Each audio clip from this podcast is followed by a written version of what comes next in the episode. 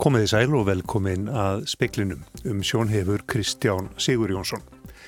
Líkur er á að demokrater hafi unnið bæði öldungardeildarsætin á bandarækjaþingi sem kosi varum í Georgíu í gær og að replikanar hafi mist meiri hluta sinn í deildinni. Þúsundir stöðningsmanna Trumps er á útifundi fyrir utan kvítahúsið. Sameinlegur fundur þingdeildana fer nú yfir atkvæði kjörmana í forsatakostningunum. Bannað verður að endurbyggja hús á tíu lóðum á Seyðisfyrði sem urðu fyrir skriðuföllum í desember. Fyrir byggðin hefur verið varin fyrir ofanflóðum. Sveitastjórn Múlaþing samþykti tillugu þess etnis í dag.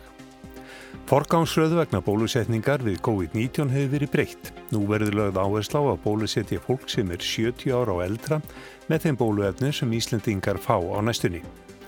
Karlmaður var í dag dæmdur í fimm ára fangilsi í hérastum Reykjanes fyrir að nauðga fjórum konum. Dómnum hefur þegar verið áfríjað. Og Ísland mætir Portugal í, á Európumóti Karla í handbólta út í velli klukkan hálf átta í kvöld. Allt bendi til þess að republikanar hafi mist meiri hluta sinn í öldungadeild bandaríkja þings. Gósi var í Georgíuríki í gær um, að, um tvö lausæti í öldungadeildinni. Demokratin Rafael Warnock vann annarsætið með 2% stiga mun. Hinn frambjóðandi demokrata, Jón Ossoff, lísti yfir sigri síðdeis. It is with humility that I thank the people of Georgia for electing me to serve you in the United States Senate. John Ossoff var sjálfur ekki í vafa múslitinn er hann þakkaði kjósendum í Georgiu en miðlar vestanhars hafa ekki viljað slá því föstu að hann beri sigur úr bítum þó að það sé talið afar líklegt. Nú er að hefjast fundur á bandaríkjaþingi þar sem staðfesta á kjör Joe Bidens í fórsetakostningunum í nógumber. Það er venjulega formsatrið en að þessu sinni hafa nokkrir þing með republikana í báðum deildum bóðað að þeir viðurkenni ekki úrslit í ríkjum þar sem að litlu munnaði. Á sama tíma stendur fjöldafundu stuðningsmanna Donald Trumps fórseta í Washington og hann ávarpaði fundin nú á sjötta tímanum. Trump endur tók ásakanir um kostningasvindlu og sagðist hafa unni stórsígur og ekkert væri að marka talninguna í Georgíu í gær þar hefði menn hlaupið um eins og hauslausar hænur. Hann sagðist aldrei ætla að gefast upp og ætlaði að stöðva kostningafjófnaðin. We will never give up, we will never concede. It doesn't happen. You don't concede when there's theft involved. We will stop the steal. Trump krafðist þess einnig að Mike Pence varafósiti sem er í forsæti á fundunum á bandaríkjaþingi sægi til þess að úrslit kostningana yrðu líst ólöguleg. Pence hefur ekkert vald til slíks og fréttaskýrindu segja að republikanar geti í mestalagi tafið staðfestingu bætens um nokkrar klukkustundir. Bóji Ágússon sæði frá við fjöllum nánar um atbyrðuna í bandaríkjónum síðar í speklinum. Sveitarstjórn Múlaþing samþykti í dag til lugu þess efnis að bannað verða að endurbyggja hús á tíu lóðum á Seyðisfyrði sem urðu fyrir skriðuföllum í desember. Fyrir en byggðin hefði verið varin fyrir ofanflóðum. Björn Ingimarsson, sveitarstjóri, hefur tryggt að eigundurnir fái húsin bætt að fullu. Þetta eru fimm íbúðalóðir og fimm eh, lóðir þar sem að aðtrumstarfsemi eða annars slags húsnaði er til staðar.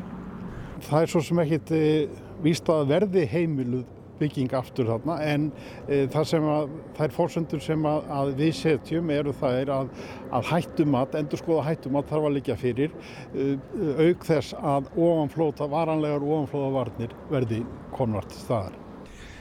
Lít svo á að eigendur eigi rétt á fullum bótum. Það kemur óvart ef eitthvað annað kemur í ljós.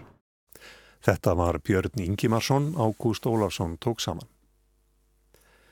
Lögðverður áhersla á að bólusetja fólk sem er 70 ára og eldra þegar næsta sending af bóluefni Pfizer kemur til landsins, 20. januar. Hægt verður að bólusetja um 5.000 manns. Forgámsröðun vegna bólusetninga við COVID-19 hefur verið breytt. Þórólfur Guðnarsson sóttvarnalækni segi það verið vegna þess að útliti fyrir að Íslandingar fái minna af bóluefnum og næstun en áður var talið. Ég held að það sé mikið vægt að að, að, að reyna að venda þá sem er í mestri hættu að smittast og það er heilbriðistarsmenn eins og landsbítala sem er annars þessar sjúklinga og svo náttúrulega þá sem við vitum að fara hvað vest út úr síkingunni og, og, og reyna að, að venda þá fyrst og, og síðan að vinna okkur niður listan eftir því sem við fáum meira bólefni. Áallega er að fólk sem er 70 ára og eldra fái næsta skamt. Maður sér klárlega þegar við skoðum tölurnar hjá okkur með dánatölurnar hlutvað þeirra sem að deyr eftir aldri þá fer kurvan mjög hratt upp uh, hjá þeim sem eru eldri en 70 ára og svo fer hún upp í, upp í 20% hjá eldstu, eldsta hópnum þannig að ég held að þessi mikið sem verður að reyna að, að, hérna, að venda þann hóp. Það því ljóst að einhverjir hópar færast aftar í forgangsöðuninni. Ef við höfum ekki meira bólefni þá þurfa bara allir aðrir að býða þá kannski við fáum meira. Það er bara þannig og, og, og hérna, annars getur við bólusett fleiri. Það, þannig að uh, ég veit að það er margir sem að sitta eftir með sátt enni og hefur viljað vera framar í röðinni en það bara getur ekki allir verið fremst. Sagði Þórólur Guðnason. Yngvar Þór Björnsson tók saman. Nær allir íbúar hjúkrunar heimila landsins voru bólusettir við COVID-19 í lók desember yfir 3200 manns. Á hverju viku degja meðaltal, meðaltalu um átján íbúar á hjúkrunar heimilum um 2-3 á dag. Marja Fjóla Hardardóttir, forstjóri hjúgrunar heimila hrappnistu, undirstrykar mikilvægi þess að fara í bólusetningu, sé það í bóði. Þó hafi verið ákvið á öllum hjúgrunar heimilun landsins að fengnum tilugum sóþvartanlæknis að fólk í lífsloka með ferð fái ekki bóluefnið og heldur ekki fólk með þekkt bráðaofnami. Marja Fjóla óttast hræðslu áráður í kringum bólusetningar eftir tilkynningar um möguleg tengsl fjögura andláta við bólusetningar. Fjallaður um málið í frettaskýringu á rúf.is. Jóhannes Tryggvi Sveinbjörnsson, nuttari, var í dag dændur í fimm ára fangilsi í hérastómi Reykjanes fyrir að nauðga fjórum konum. Domnum hefur þegar verið áfríðað. Brotin átti sér stað á nuttstofu Jóhannesar. Teknar voru skíslur af nokkrum konum sem söguð hann um kynferðisbrot en hann var sagföldur í öllum fjórum ákjöra lögum. Dagmar Ösp Vérstinsdóttir sótti máli fyrir hönd ákjöravaldsins. Ég aftur að lesa dómin en ég tel að niðurstaðan sé ekki langt frá kröfum ákjöravaldsins. Steinbergur Finnbóðsson, verjandi Jóhannesar, segir að málunni hafi þegar verið áfríða til landsréttar. Þessi niðurstaða eru náttúrulega mikil vonbreiði fyrir umbjóðandar minn og koma mjög ávart að sakveld sé í, í, í öllum þessum fjórum ákveðurluðum. Undanfari hefur nokkrum fjölda sakfellinga í naukunumálum verið snúið við í landsrétti. Steinbergur segist hafa fulla trú á niðurstunum verið breytt þar því engin sönnunagögn hafi verið lög fram í málunu. Ég hef fulla trú á því að þessari niðurstöðu verði breytt, ég þarf að segja það, ég er ekki búinn að lesa þessar 76 blaðsur en þá og, og, og vona svo sannarlega að, að þessi niðurstaða dónsins ég byggði á lögfræði en ekki eh, þeirri pressu í samfélaginu að, að fá sakfellingar í málum sem þessum. Sagði Steinbergur Finnbúason, Yngvar Þór Björnsson tók saman. Mikla hefur greinst í leikskólanum Leikholti í skeiða og gnúferirheppi. Flytja þarf 35 börn úr leikskólanum. Björgvin Skafti Bjarnason, ottviti sveitafélagsins, segir mikluna hafa greinst rétt fyrir jól og þá þegar hafi verið hafist handa við að laga drenlagnir í kringum húsið. Elín Anna Lárustóttir leikskólastjóri segir að starfsmenn í leikskólanum hafi fundið fyrir enkennu miklu í skólanum 16 starfsmenn vinna þar og hefur um helmingur þeirra fundið fyrir einkennum. Vandamálið segir hún að sé ekki nýtt á nálunni, grunnur hefur lengi verið um að mikla veri í húsinu en engar mælingar hefur verið gerðar fyrir ennú í vetur. Arnór Þór Gunnarsson ber fyrirliða band Íslenska landslýsins í handbólta gegn Portugal í kvöld. Handnalliðsamband Íslands tilkynnti þetta í dag.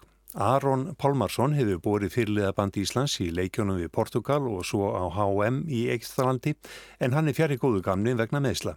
Arnór Þór tekur því við kepplunu og ber fyrirliða bandið í kvöld. Hann er 32 ára gammal og hefur leikið 114 landsleiki og skorað 332 mörg. Hann leik sinn fyrsta landsleik gegn Ungverjalandi í Nóri í janúar 2008. Heimsmeistaramóti sem hefst í Eiksthalandi í næstu viku verður hans áttunda stórmót og til gamans má geta þess að fyrirliði Karlalandsleysins í fókbalta, Aron Einar Gunnarsson, er yngri bróðir Arnórs Þórs og bræðurnir því báðir með bandið. Leikur Íslands og Portugal er klukka 19.30 kvöld og verður síndur beint á rúf.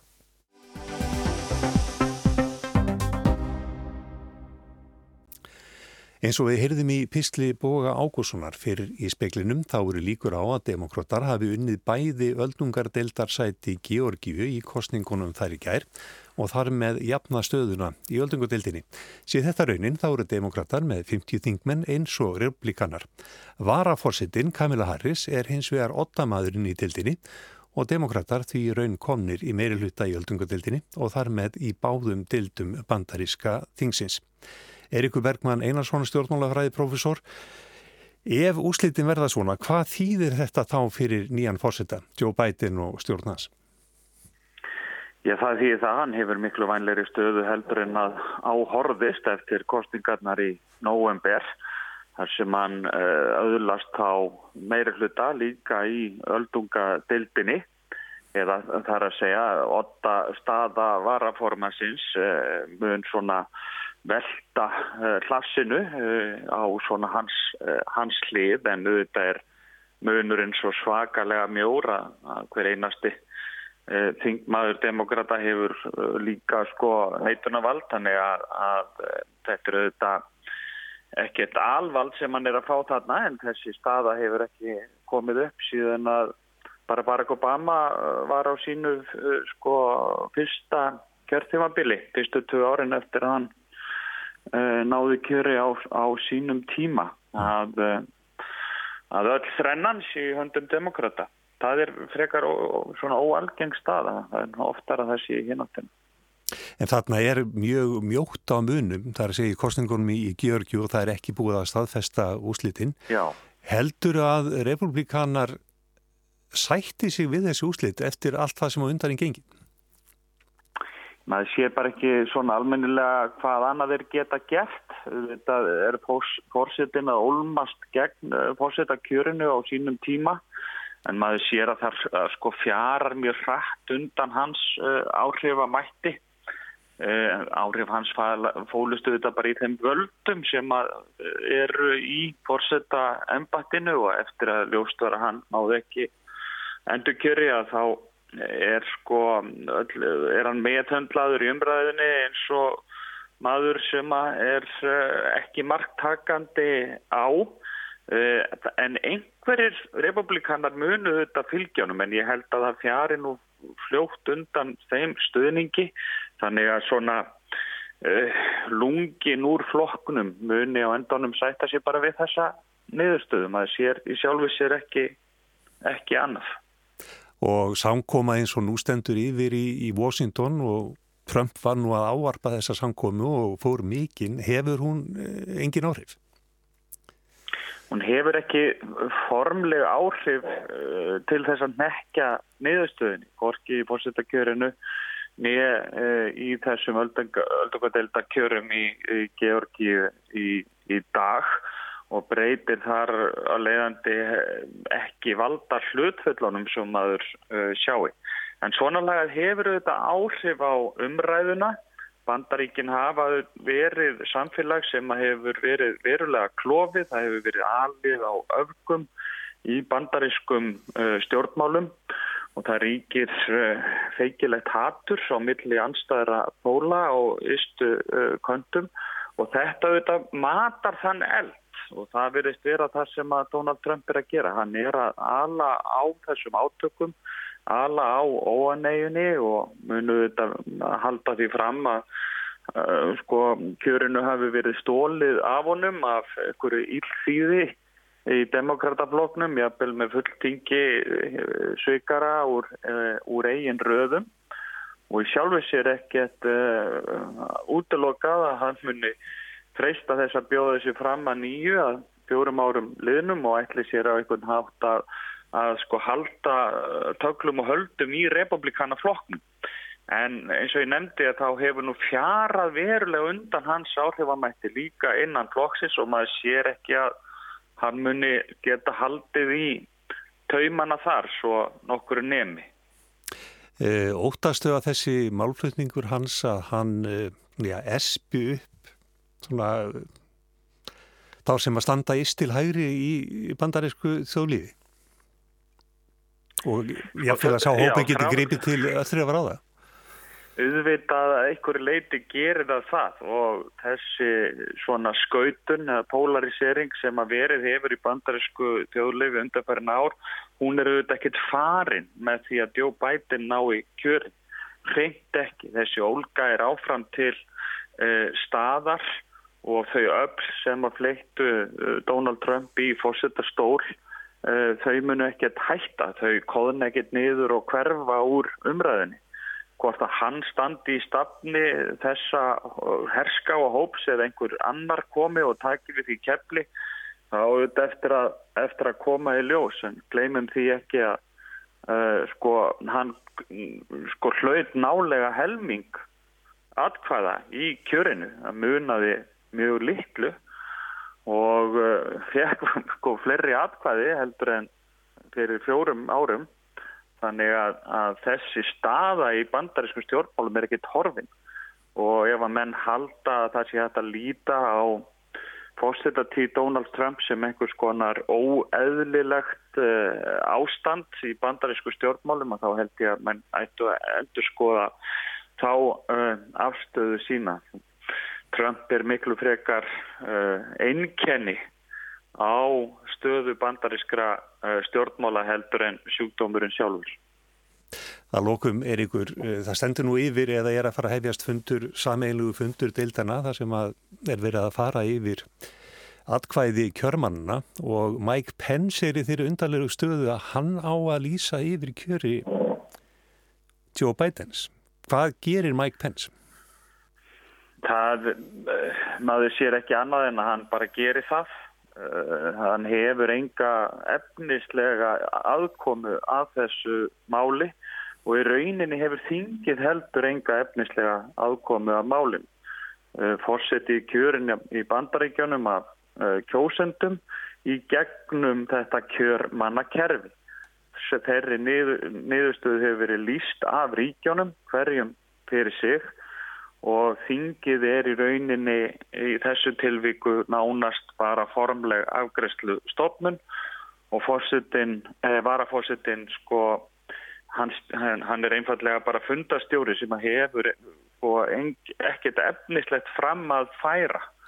Og maður sér nú ekki að hann sé maður af þeim toga að fara í það stríð sem að eh, Donald Trump er að egna hann til og hann greinilega hefur gert það í dag, hann ætlast til þess og hefur líst því yfir á sínum uppáhaldsmiðli Twitter að hann uh, svo gott sem ætlist til um, þess að uh, Pence fari bara gegn lögunum og stjórnarskráni og öllum hefðum og vennjum í bandarískum stjórnmálum og efni þarna til ófríðar en maður sér ekki að hann muni verða við þeirri bríningu og aftur komum við að því að eftir kjörið í nóvembir að þá hafa orð Donald Trumps og, og uh, svona bríningar að þessum tóa miklu minni áhrif heldur en áður eins og við sáum til dæmis í viðbröðum um, í Georgíu þegar hann krafðist þess að, menn myndu þar finna fyrir hann þau atkvæði sem upp á vantæði. Eirikur Bergman, takk fyrir spjallið.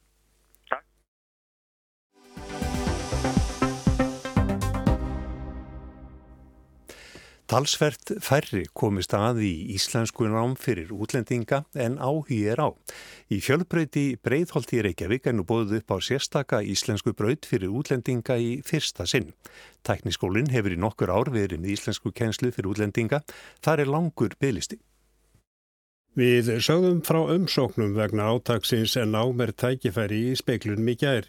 Þeir sem hafa verið atvinnlausir í meira en sex mánuði geta sótum að setjast á skólabekk í eina önn á fullum bótum.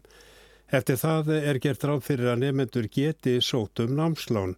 Í nógumber höfðu með 10.000 manns verið á atvinnuleysisbótum í meirinn halvt ár og þar af um 4.000 lengur enn í eitt ár. Nám er tækifæri nær til vorannar og haustannar á þessu ári og vorannar 2021. Miða var við 1000 skólaplás á hverju önn fyrir þennan hóp. Námin er til tiltekins náms, bæði háskólum og framhalskólum og einni vottara námskeiða til dæmis hjá símentunastöðum. Færri sótum en búist var við, tæplega 500 manns. 322 umsóknir bárust frá erlendum atvinnuleitendum og 156 frá íslenskum atvinnuleitendum eða þeim sem hafa tök á íslensku. Umsóknir útlendingana beinast fyrst og fremst að því að ná færnið að tökum á íslensku. 250 sótum nám hjá framhaldsfræðslunni og símentunarstöðum, 30 um aðfaranám á bifröst og um 40 um nám við íslensku brauti í fjölbrauti breyðholti. Íslensku brautin í Breitholti er ný, ákveðið var að koma inn á lækirnar í desember. Tækniskólin er eini framhaldsskólinn sem hefur bóðu upp á sérstakt íslensku nám fyrir útlendinga og þar er langur bygglisti. Mælst hefur verið til þess að fleiri framhaldsskólar bjóðu upp á slikt nám. Brynja Stefansdóttir sviðstjóri bóknáms í fjölbrytti Breitholti segir ljóst að kníandi þörf sé að námi sem þessu.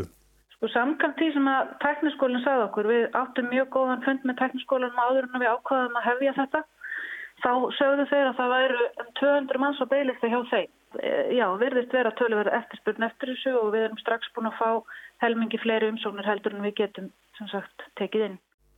Samkvæmt tölum frá vinnumálastofnunu sóttu 42 útlendingar á nám við Íslensku brautin í Breitholti.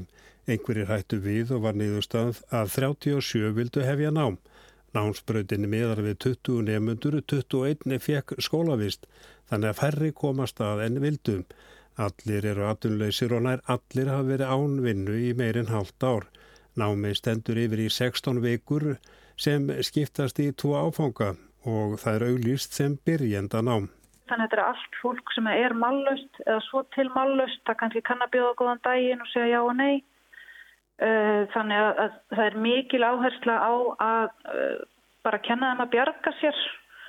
Við uh, munum að sjálfsögðu kenna þeim einhverju málfræði en svona aðalatriðið er að þau séu með orð þannig að þetta sé verkværi til að geta farið út í búð, til að geta uh, bjarga sér þegar það hitt eitthvað sem er ekki góður í ennsku eða og, geti sem sagt bara svona, hvað ég segja, svona haft einhverja grunnfærni sem þegnar í þjóðfélaginu og og allt ofan við það er bara pluss og hérna við setjum námið þannig upp að þau læra sko íslensku sem fag það sem er svona kannski svona hefðbundin svona hérna hefðbundin kjensla með, með einhverju mál, málfræði orðaforða og, og setningum og, og samtölum og textum og svo framvegis en svo eru þau, þau eru jafnmarga tíma á viku í tali Þannig að þá eh, endur tökum við það sem við erum búin að vera að læra í bókunum og hérna förum aftur yfir það og verðum mikið að tala og þar á ekki eru þau í líðhilsu og þá hugsaum við að þannig að við förum með þeim út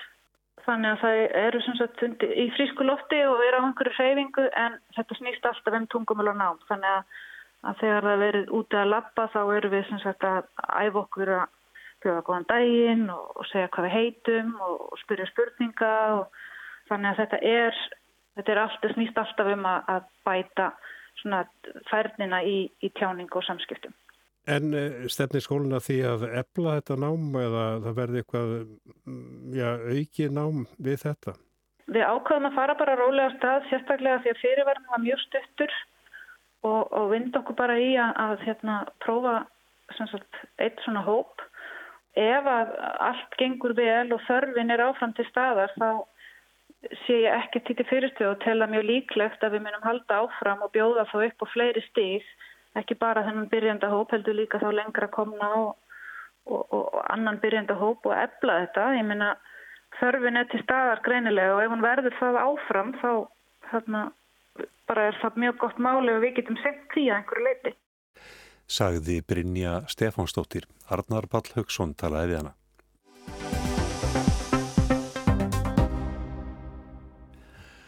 Núna þegar byrjað er að bólusetja víðum lönd gegn COVID-19 og von til að það gangi þokkalega hratt, þá er ástæða til að spá aðeins í hvernig þessi nýja framtíða baki faraldrinum minni líta út. Annars vegar eru það pólitísku línutnar, hins vegar hvað hvert og eitt okkar er að hugleiða um eigið líð. Sigrún Dævistóttir. Þú veist að verum við sjálfrar við tímar Með Viðsjáverðir tímar og lokuð landamæri, það hefur ekki mikið breyst síðan lægiðum að ferðast innan hús slói gegn í apríl.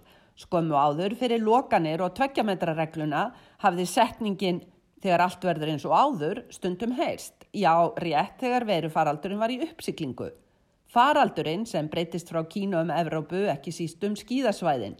Þegar Ítalija og svo heilu löndin fór að ráðleggja fólki að vinna heima og hitta sem fæsta, varð fljóttljóst að nei, það yrð ekki allt eins og áður. Í stóra pólitíska samhenginu í okkar heimsluta skiptir framvindan í Evrópusambandinu máli. ESB-löndin hafa orðið ítla úti í verufaraldrinum og ekki séð fyrir endan á þeirri sögu. En eftir fálmandu upphaf hefur ESB óvænt klóra sig betur í gegnum veirufaraldurinn en var til dæmis eftir fjármálarhrunnið 2008. Veiruváinn styrti Úrsulu von der Leyen fórsetta framkvæmdastjórnar ESB í sessi. Henni tókst að samstilla pöntun á bóluefni og telja ESB-löndin á að deila byrðum efnagsaðstóðar, nokkuð sem ekki tókst 2008. Eins og hún sagði í september í tílefna fyrstu stefnuræðu sinni, hún vildi ekki festast í þessum skeinuhætta og óvisa veiruheimi. This corona world of uncertainty and fragility We don't want to stay in, we want to move on. ESB stendur því heldur keikara eftir veirufaraldurinn en fjármálarhemmingarnar. Veirufaraldurinn þjappaði ESB-löndunum saman. Brexit að Bretland er enn að reyna að átta sig á sinni framtíð en engar skýrar línur frá ríkistjórninni fjóru og halvu ári eftir þjóratkvæðagreisluna um ESB-aðildina. Annað yfirgripsmikið efni eru lofslagsmálinn. Það hefur snert borgarbúa víðum heim að sjá hímininn allt í einu blárren áður og uppgötu að fugglasöng í borgarkyrðinni. Næsta stóra alþjóðlega ráðstefna saminuð þjóðuna um lofslagsmál átti að vera í Skotlandi nú í vetur, frestast fram í nógumber. Það þarf sterka pólitíska leðsögn til að ráðstefnan skili einhverju eins og var til dæmis á Parísa ráðstefninu 2015 þegar tæplega 200 lönd skrifuð undir lagalega bindandi samkómulag til að dragu hlínun. Ekki alveg augljóst að verulegur áfangi náist í þetta skiptið. Almennt má segja að COVID hefur ekki búið til nýja ströyma en styrt þá sem voru þegar sínilegir. Þannig er það um lofslagsumræðuna. Mörg fyrirtæki hafa fyrir löngu mótað umhverfstefnu en hvort sem það var blái himinin eða eitthvað margt annað þá hefur lofslagsumræðan ekki druknað í veirufaraldrinum eins og margir óttuðust verðt á móti. Líka að því það er ljóst að það felast ógrinnin öll af nýjum viðskiptatækifærum í umhverfishyggju. Veitir ekki að slíku í kjálfar efnags hremmingana eftir COVID. Góða færð, góða færð,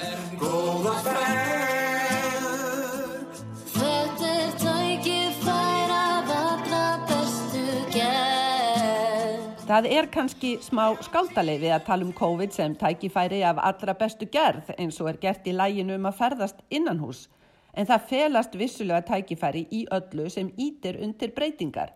Það hafa ímsir annarkort tekið ákvarðanir eða heirt af öðrum sem hafa tekið örlaga rík skref á verutímum, til dæmis varðandi búsettu. Áhrifin verða margvísleg á fastegnamarkaðin víða um lönd. Listaheimurinn hefur farið ítla í COVID, einhverjum listamenn sem koma fram. Tónlistarfólk, dansarar og leikúsfólk hafa orðið sérlega ítla fyrir barðinu á lokunum og samkomubönnum. Höfuverku ríkistjórna er að halda lífin í listageiranum því þegar og þegar að því kemur að við getum aftursest í tónlistarsali, óperuhús, já alla þessa staði með lifandi tónlist og dans, þá verður hungrið eftir þessari upplifun án efa mikill. Sama með ferðalög, ekki aðeins innan hús og innanlands. Nei, það verður ekki allt eins og áður en það er kannski ekki verra. Með bóluefni er þetta nú spurningin um að þreja þorran á góuna, já í bókstalleri merkingu. Á meðan er í fullu gildi að standa saman, halda COVID-stríðinu áfram eins og Þórólfur Guðnarsson sóttvartanlæknir söngum af sérlegri innlifun í april. Nú þurfa allir þétt að standa saman og koma COVID stríðinu á skrið. Það var helst hjá okkur í speklinum í kvöld að líkur eru á að demokrater hafi unnið bæði öldungadeildasætin á bandaríkithyngi sem kosi varum í Georgi kær og að republikanar hafi mist meiri hluta sinn í deildinni. Þúsundir stuðnismanna Trumps er á útifundi fyrir utan kvítahúsi þar sem forsetin ávarpaði samkomuna. Sameinlugur fundur þingdeildana fer nú yfir atkvæði kjörmanna í forsetakostningunum. Bannað verður að endurbyggja hús á tíu lóðum á seyðisfyrði sem urðu fyrir skriðufullum í desember fyrir en byggðin hefur verið varin fyrir ofanflóðum. Sveitastjórn Múlaþing samtækti tillugu þess etnis í dag. Og forgánsröð vegna bólusetningar við COVID-19 hefur verið breytt. Nú verður lögð áhersla á að bólusetja fólk sem er 70 ára á eldra með þeim bóluetnum sem Íslandingar fá á næstunni. Tæknimaður í útsendingu speilsins var Jón Þór Helgason. Veriði sæl.